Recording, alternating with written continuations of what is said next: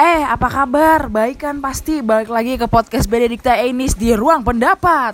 Apakah kalian tahu dengan lagu ini?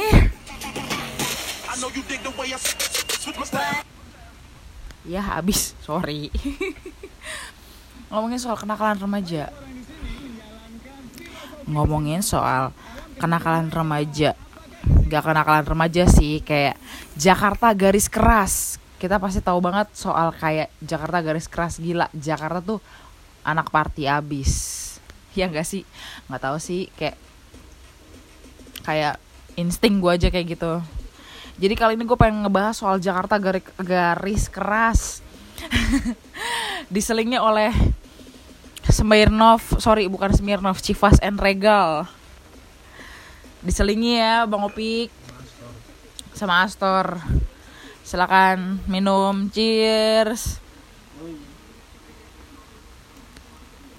Le. Astor. Ini siapa nih? Uh, ngomongnya soal Jakarta garis keras. Sorry. Ngomongnya soal Jakarta garis keras. Menurut gue Jakarta garis keras itu adalah Jakarta yang emang kerjaannya tuh nongkrong. Menurut gua, ah, pendapat gua. Jakarta garis keras yang emang anak-anak mudanya tuh lebih ke kayak nongs terus kayak ya Allah gua gak bisa mikir lagi. Coba Kak Bes. Jakarta garis keras Kak Bes menurut lo? Oke, karena Kak Bes masih kayak aduh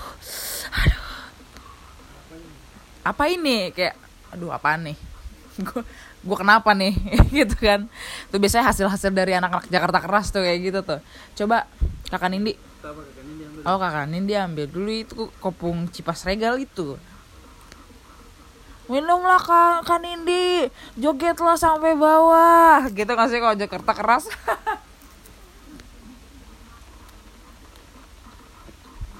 Gimana rasanya Hmm? Makan Astor langsung.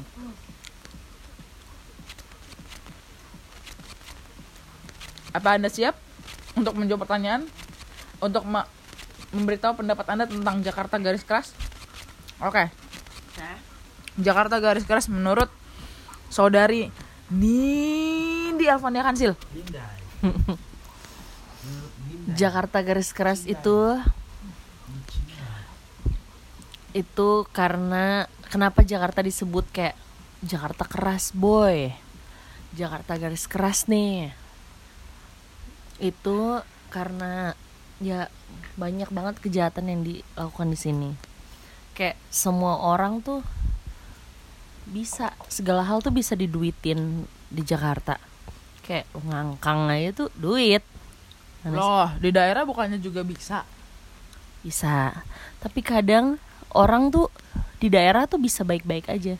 Dia kayak ya orang baik orang baik-baik kayak warga normal seperti biasanya. Tapi pas dia ke Jakarta terbukalah kayak, mata dia. Ya. dia mengenal dunia ani-ani.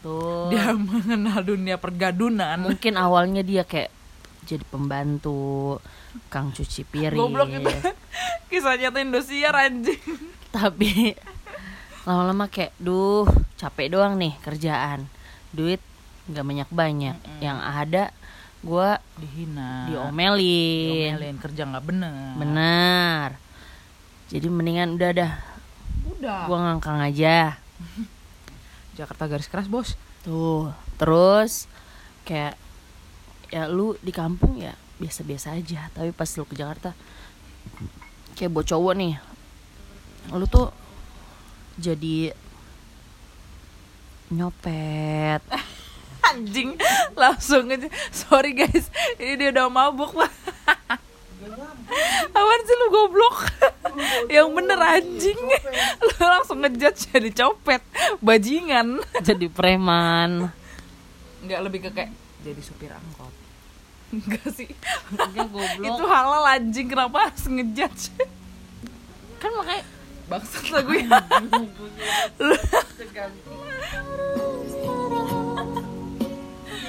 Enggak, enggak, ini enggak garis keras. Kita harus setel lagu-lagu Hell Halfway. Camden. Kita coba setel sebentar. Propaganda. Bangsa nih Opik ganggu banget.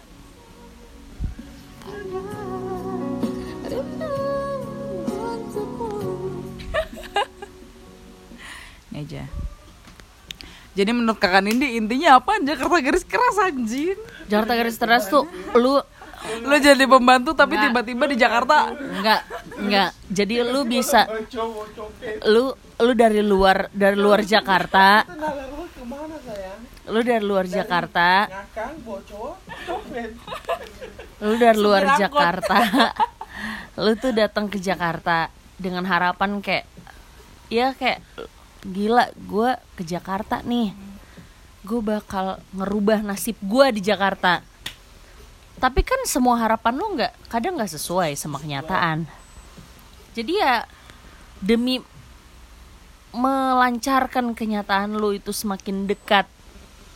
Maksudnya impian lu menjadi semakin dekat dengan kenyataan, ya lu pasti mungkin cara halal udah dilakukan, tapi karena kayak lama banget nih. Apa nggak dapat dapat duit yang banyak Betul. Kebutuhan di sini juga banyak.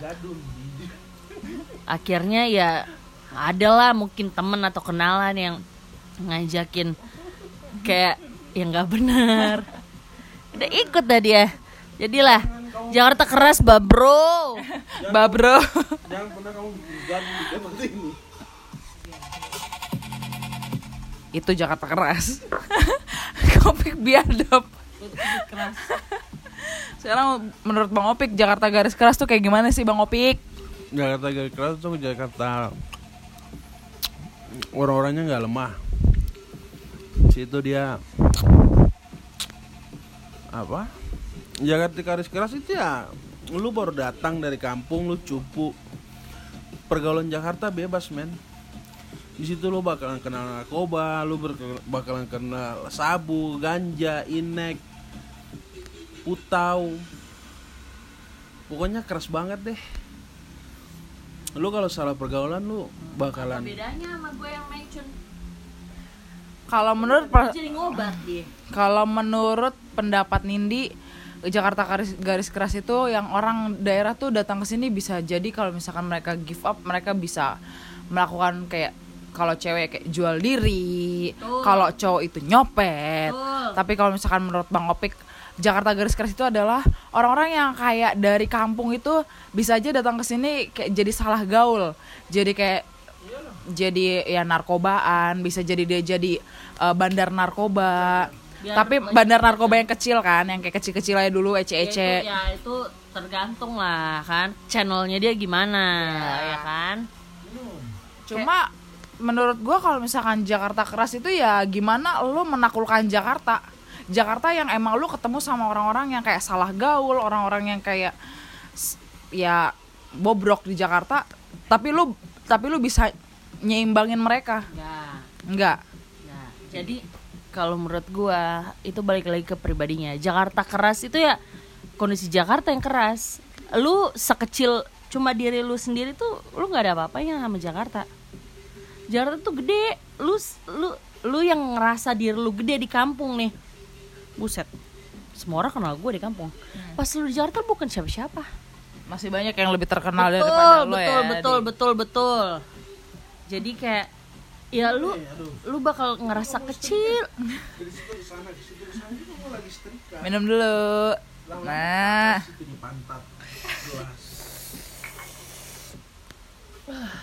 waduh, kayak enak banget nih Jakarta keras. Sebentar. Kita ganti lagunya dulu. Menurut Hmm, gua Jakarta garis keras itu lu lembek dikit Jakarta. iya Betul. Jakarta harus pintar Harus kuat. harus kuat harus pintar harus lu punya otak gimana lu harus bisa makan. Betul. lu lembek dikit lu diinjak. Ini Jakarta men. Betul. jangan lu pernah lu menganggap remeh kalau Jakarta itu. Ya elah cuma Jakarta. Sama sama kampung gua maksudnya sama provinsi kota gua lah misalnya di kampung. Masih gedean kota gua. Di sini orang-orang kenal gua. Tapi kalau di Jakarta ya elah, lu debu Itu untuk orang-orang yang kayak baru datang ke Jakarta kan. Betul. Tapi kalau misalkan untuk orang-orang yang memang tinggal di Jakarta tapi dia tuh kuper banget. Nah, itu menurut lo kayak gimana? Maksudnya dan orang ini tuh kayak oh gue tahu kok Jakarta emang keras tapi ya gue nggak pernah ngalamin gue nggak pernah terjun langsung ke Jakarta maksudnya ya mungkin kalau anak Jakarta kayak Jakarta keras ya dia nggak pernah jadi copet dia nggak pernah jadi anak party dia nggak pernah jadi pecun dia nggak pernah jadi anak party yang ngebungkus anak orang atau dibungkus Out. Nah, itu menurut lo kayak gimana? Maksudnya untuk orang-orang yang kayak emang ya gue yakin banyak orang juga yang orang Jakarta yang gak open minded soal kayak Jakarta itu keras. Nah, menurut lo tuh kayak gimana sih kalau kayak gitu tuh orang-orang kayak gitu? Kalau gue itu balik ke orangnya ya.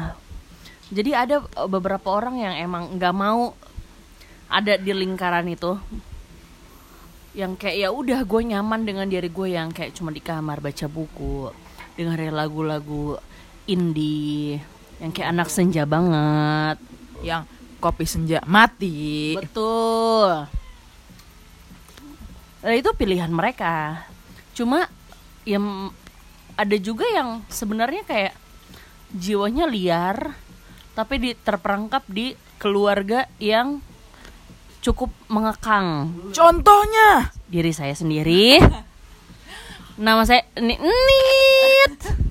tapi gini ya. Disensor. Jadi eh, si bos Nindi ini Anjing. dia dikata ya gua katakan gua katakan kalau untuk soal pergaulan itu dia ya dia cuma tahu Camden Betul. dia cuma tahu Camden dia cuma tahu Predator dia cuma tahu Dan paling Beer Garden yang kayak ada live musik. Nah kalau lu pengen live musik ya lu ke Beer Garden kalau lu pengen emang party maksudnya nggak party banget sih kayak lu pengen ke bar ya lu ke Camden gitu. Oh. ya paling palingnya halfway lah yang kayak jaksel abis gitu kan. Nah sebagai lu gua rasa lu kaget banget dengan Jakarta yang sekeras ini kan. Betul. di di mana lu tuh terkungkung. Selama ini. Selama ini dari lu SD sekolah dasar sampai lu bahkan lu sampai lu kerja. Sampai gue satu. sampai lu S1 kan. Nah pendapat maksudnya lu kan pasti kayak setelah itu lu kayak keluar dari penjara kan? Betul. gua anggaplah itu penjara. Karena lu nggak pernah ke mana-mana lu kayak cuma di rumah aja. Hashtag di rumah aja padahal nggak lagi corona.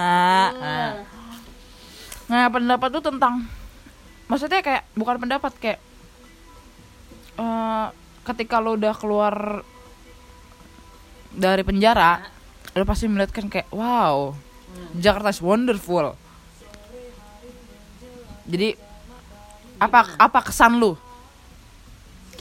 Gue sebenarnya nggak buta-buta banget soal kayak gini. Cuma emang gue Lalu itu ya teori ya terlalu gue teori. Gue punya banyak teman-teman gue yang kayak gitu. Cuma ya karena itu karena kondisi gue emang nggak bisa ada di di lingkaran itu ya gue cuma bisa punya teori dan ngelihat aja praktek orang. Gue nggak bisa praktekin langsung. Jadi ketika gue punya kesempatan buat eh, ada di kondisi itu ya gue kayak awalnya jujur gue kayak anjir ternyata kayak gini ya.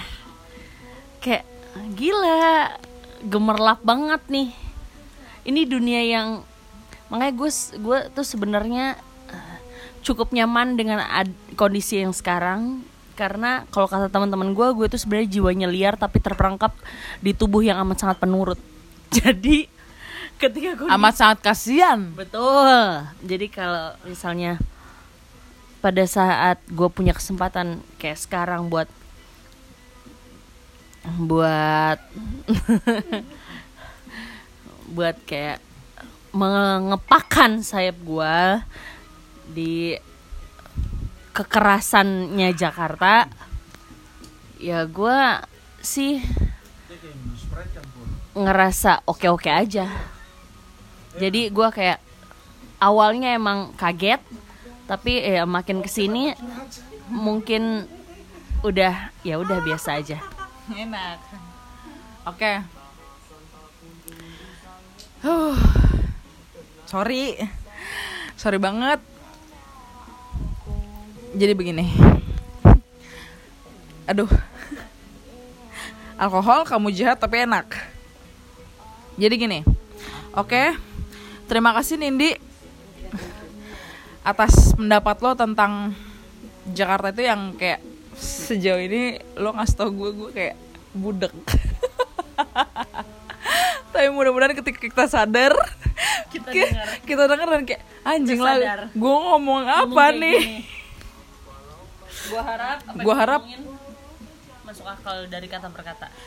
Ya kan? Ya udahlah itu anggaplah itu omongan Nindi nah sekarang untuk Kak Bes yang emang eh, pendatang yang kayak kabur dari kampung halaman. Gue KTP Jakarta anjing. nah Gue KTP Jakarta. gue ngerti lo KTP Jakarta. Tapi kan lu kan kecil ya sekolah lu di Ambon kan? Ya Kak Wes ini dari Ambon. Dia di Jakarta itu dari 2009 ya apa yang lu lu kaget banget anjing lah ternyata Jakarta kayak gini apa yang bikin lu kaget dengan Jakarta apa yang lu bikin lu kayak wah gila gue kayak nggak bisa nih ngelakuin skill-skill desa gue di sini di sini itu kayak gimana kak Bes? Dulu waktu pertama gue ngerantau Jakarta tuh gue pikir Jakarta itu megah. Gue sebenarnya Jakarta ini kota tipu-tipu. Dulu waktu gue masih di kampung, gue liat Jakarta di TV tuh ya sekilas Jakarta yang cuman di bundaran HI. Tahu-taunya Jakarta juga kumuh. Gue tahu gue bisa, gue datang Jakarta dengan gue orang dari timur, gue bisa nakluk naklukin Jakarta. Tahu taunya enggak, enggak segampang itu naklukin Jakarta. Lu nggak keras, lu mati di Jakarta. Lu lembek dikit, lu diinjak Jakarta. Ya, menurut gua Jakarta banyak sih, ada banyak pengalaman yang Jakarta kasih. Gimana cara kita bergaul dengan baik, gimana cara kita diikat dalam satu persaudaraan, saling menghargai. Ya iklan dulu bentar. Coba kalian dengar lagu ini. Apakah kalian berjoget di sebelah sana? Pasti joget dong. Oke, Kak Bes. Kak Bes bilang ternyata Jakarta itu sulit untuk ditaklukkan. Jangan kau tambahin lagi nih oh, minuman saya. Jadi Kak Bes bilang kayak gila ternyata nggak segampang ini cuy buat naklukin Jakarta. Emang yang Kak Bes lihat tuh pertama kali di Jakarta tuh apa sih? Apa tentang kayak orang-orang yang premanismenya mereka atau kayak lo susah nyari duit di sini? Kak Bes coba lo sebagai pendatang gue yakin kalau Nindi kan kayak gue gua ngerasa kayak oh ya udah gue anak rumahan gue anak rumahan gue gua lahir di kayak gue di sini udah lama gue yakin lah gue masih ada peluang di Jakarta nah kak Bes kan yang kayak merantau kak Bes bener-bener buta dengan Jakarta. Kak Bes gimana caranya buat kayak gue apa ya? Gue kudu naklukin di Jakarta tapi gue bingung dengan cara apa. Nah itu kak Bes mikirnya tuh gimana di awalnya gitu kayak gitu loh. Paham gak sih? Iya kayak gitulah. Dulu gua ngerantau Terus udah nyampe Jakarta ditanyain lah mau ke Jakarta ngapain? Kalau mau jalan-jalan dikasih tempat tinggal. Kalau mau jadi preman dikasih tempat juga buat jadi preman. Di situ ya kita milih jalan hidup kita ke depan mau kayak gimana. Di situ gua milih jadi penjaga tanah terus jadi debt kolektor semua pekerjaan jalanan gue udah jalanin lah. Tapi nggak segampang itu tapi ya bisa lah kita bisa naklukin Jakarta. Jadi gue ngerti sebenarnya ini masuk gak sih ke benang merah? Masuk lah. Masuk lah ya. Nah. Nah, gue mau nanya. Hmm. Gue mau nanya. Kalau lu, lu yang emang warga sini kan, eh, ya udah oke lu pinggir Jakarta lah ya. Bekasi punya. Ya, itu sekarang dulu lu yang udah kayak sekolah, sekolah, sekolah, kuliah, sekarang udah kerja. Lu sekarang udah tinggal emang netep udah di Jakarta nih. Kerja di Jakarta, dapat duit lah. Dapat duit ngabisin duit semua di Jakarta. Lu gimana cara lu bertahan dengan dengan apa yang lu punya saat ini dari kerjaan lu buat ngehidupin lu selama ya ya kan kalau kalau gaji kan dia per bulan ya. Gimana?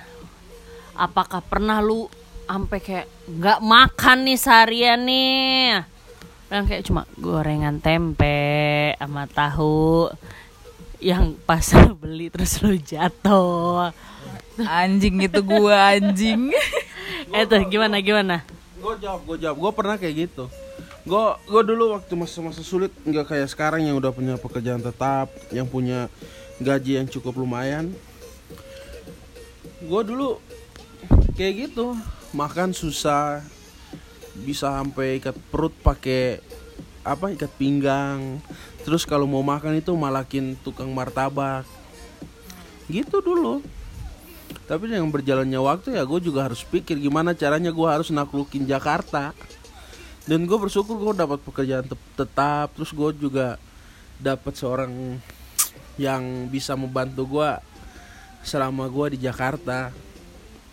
Gue sangat berterima kasih juga sama kota Jakarta sih yang sudah ngenalin gue ke orang-orang yang sudah sayang ke gue dan sampai sekarang orang itu masih sama gue dan insya Allah seterusnya sama gue sampai nanti Adalah bos Nindi Alvania Kansil. Nah, menanggapi soal pertanyaan kan Nindi, bos Nindi, ya kalau gua kan emang tinggal sama orang tua ya kan, jadi kayak gua ya aman aja, kerjanya aman aja. Yang gue tahu, ya emang gue tahu, maksudnya kerasnya Jakarta adalah mereka yang emang gimana caranya mereka dapetin uang secara cepat ya mereka nyopet, gitu kan? atau jadi bandar narkoba atau bisa jadi kalau yang cewek dia jual diri gitu kan. Cuma kalau gua kan emang tinggal sama orang tua kan. Yang gue tahu kenakalan remaja yang emang gua rasakan di maksudnya Jakarta keras tuh ya lo party. Oke. Party aja. Jadi gua nge- udah ngerasain yang namanya lo party tapi lo nebeng sama temen. Ya kan? Lo nebeng sama temen temen lo yang emang udah mapan temen lo ngajak party ya gue kayak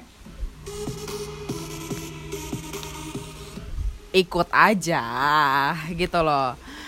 Jadi gue nggak pernah maksudnya ya gue ngerasa Jakarta tuh keras tapi bukan gue yang naklukin. Lo paham gak sih? Gue ngerasa gue naklukin Jakarta itu ketika gue tinggal sendiri di Jakarta. Gue ngekos sendiri dan gue nggak gue nggak Hmm?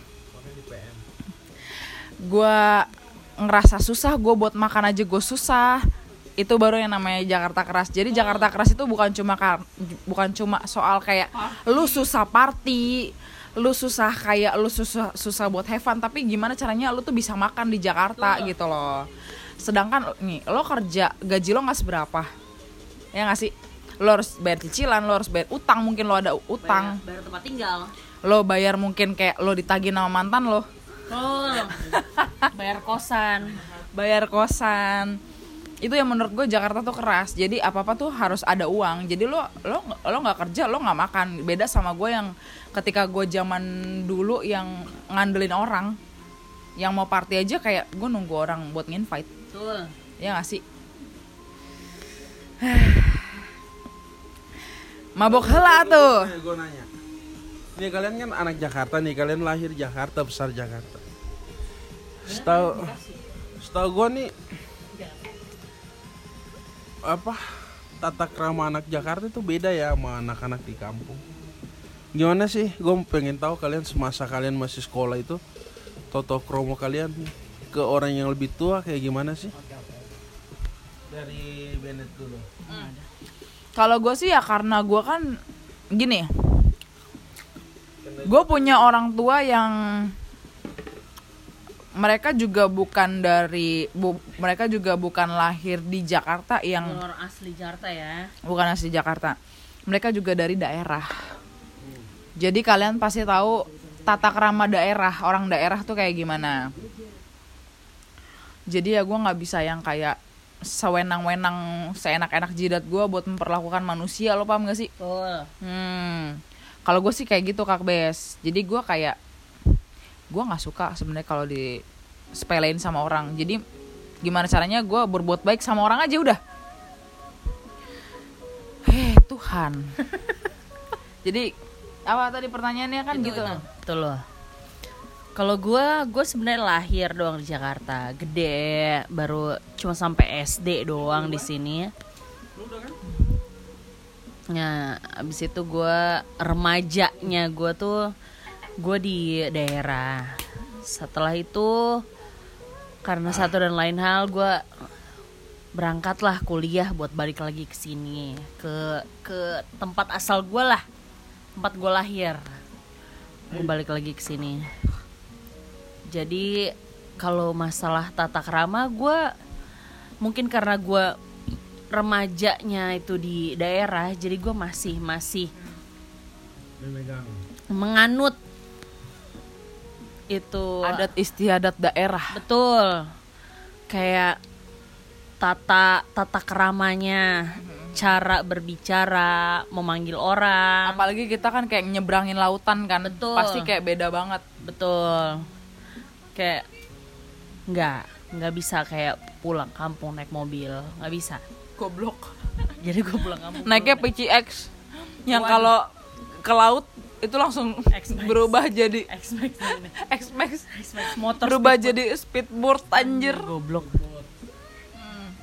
jadi kalau gue gue tetap tetap gak bisa kayak kayak gue tem maksudnya no offense mungkin banyak menurut kalian yang itu wajar wajar aja cuma kalau menurut gue kayak banyak teman-teman gue yang kayak manggil senior yang lebih tua lah dari kita itu kayak manggil nama nggak ada tuh manggil kakak manggil apalah abang lah atau Sedangkan apa pun. kita tuh kayak diajarin kalau misalkan orang sama orang yang lebih tua tuh kita hormat gitu. betul loh. betul betul jadi kalau gue gue jujur nggak bisa walaupun gue tahu dia seumuran sama gue tapi kalaupun dia kayak misalnya di Kayak kuliah ah, hmm, di dia, kuliah dia senior kita. betul dia senior kita, Pasti kita panggil ja- panggil kakak. betul Hmm.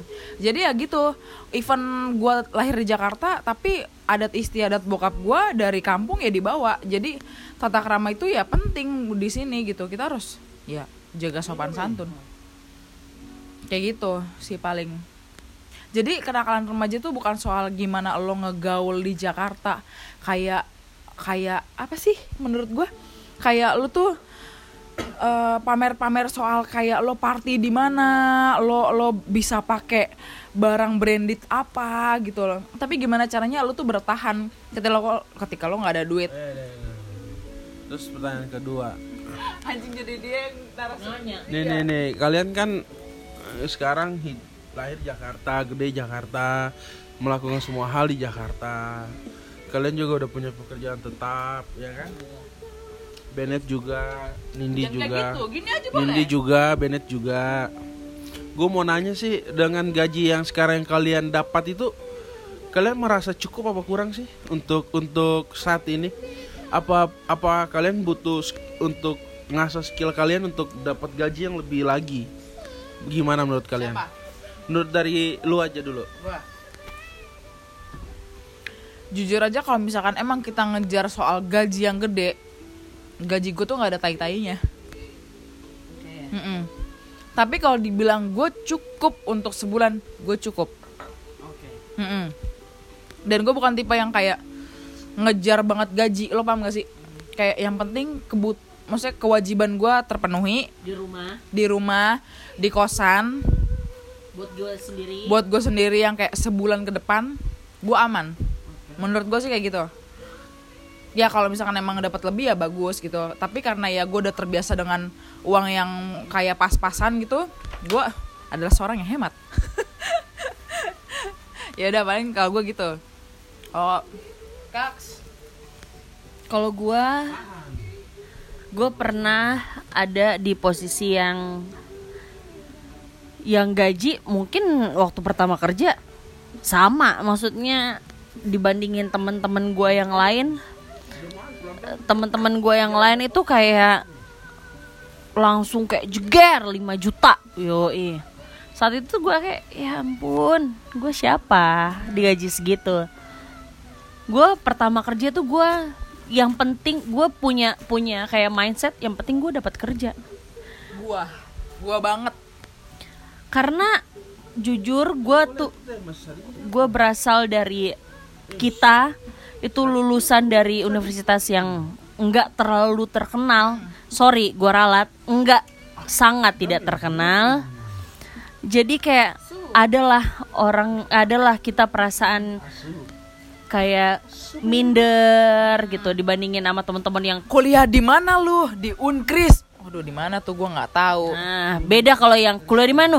Di Untar, di binus di Trisakti, ah itu auto tahu Atma Jaya. Nah, auto tahu pasti itu kayak wah anjir.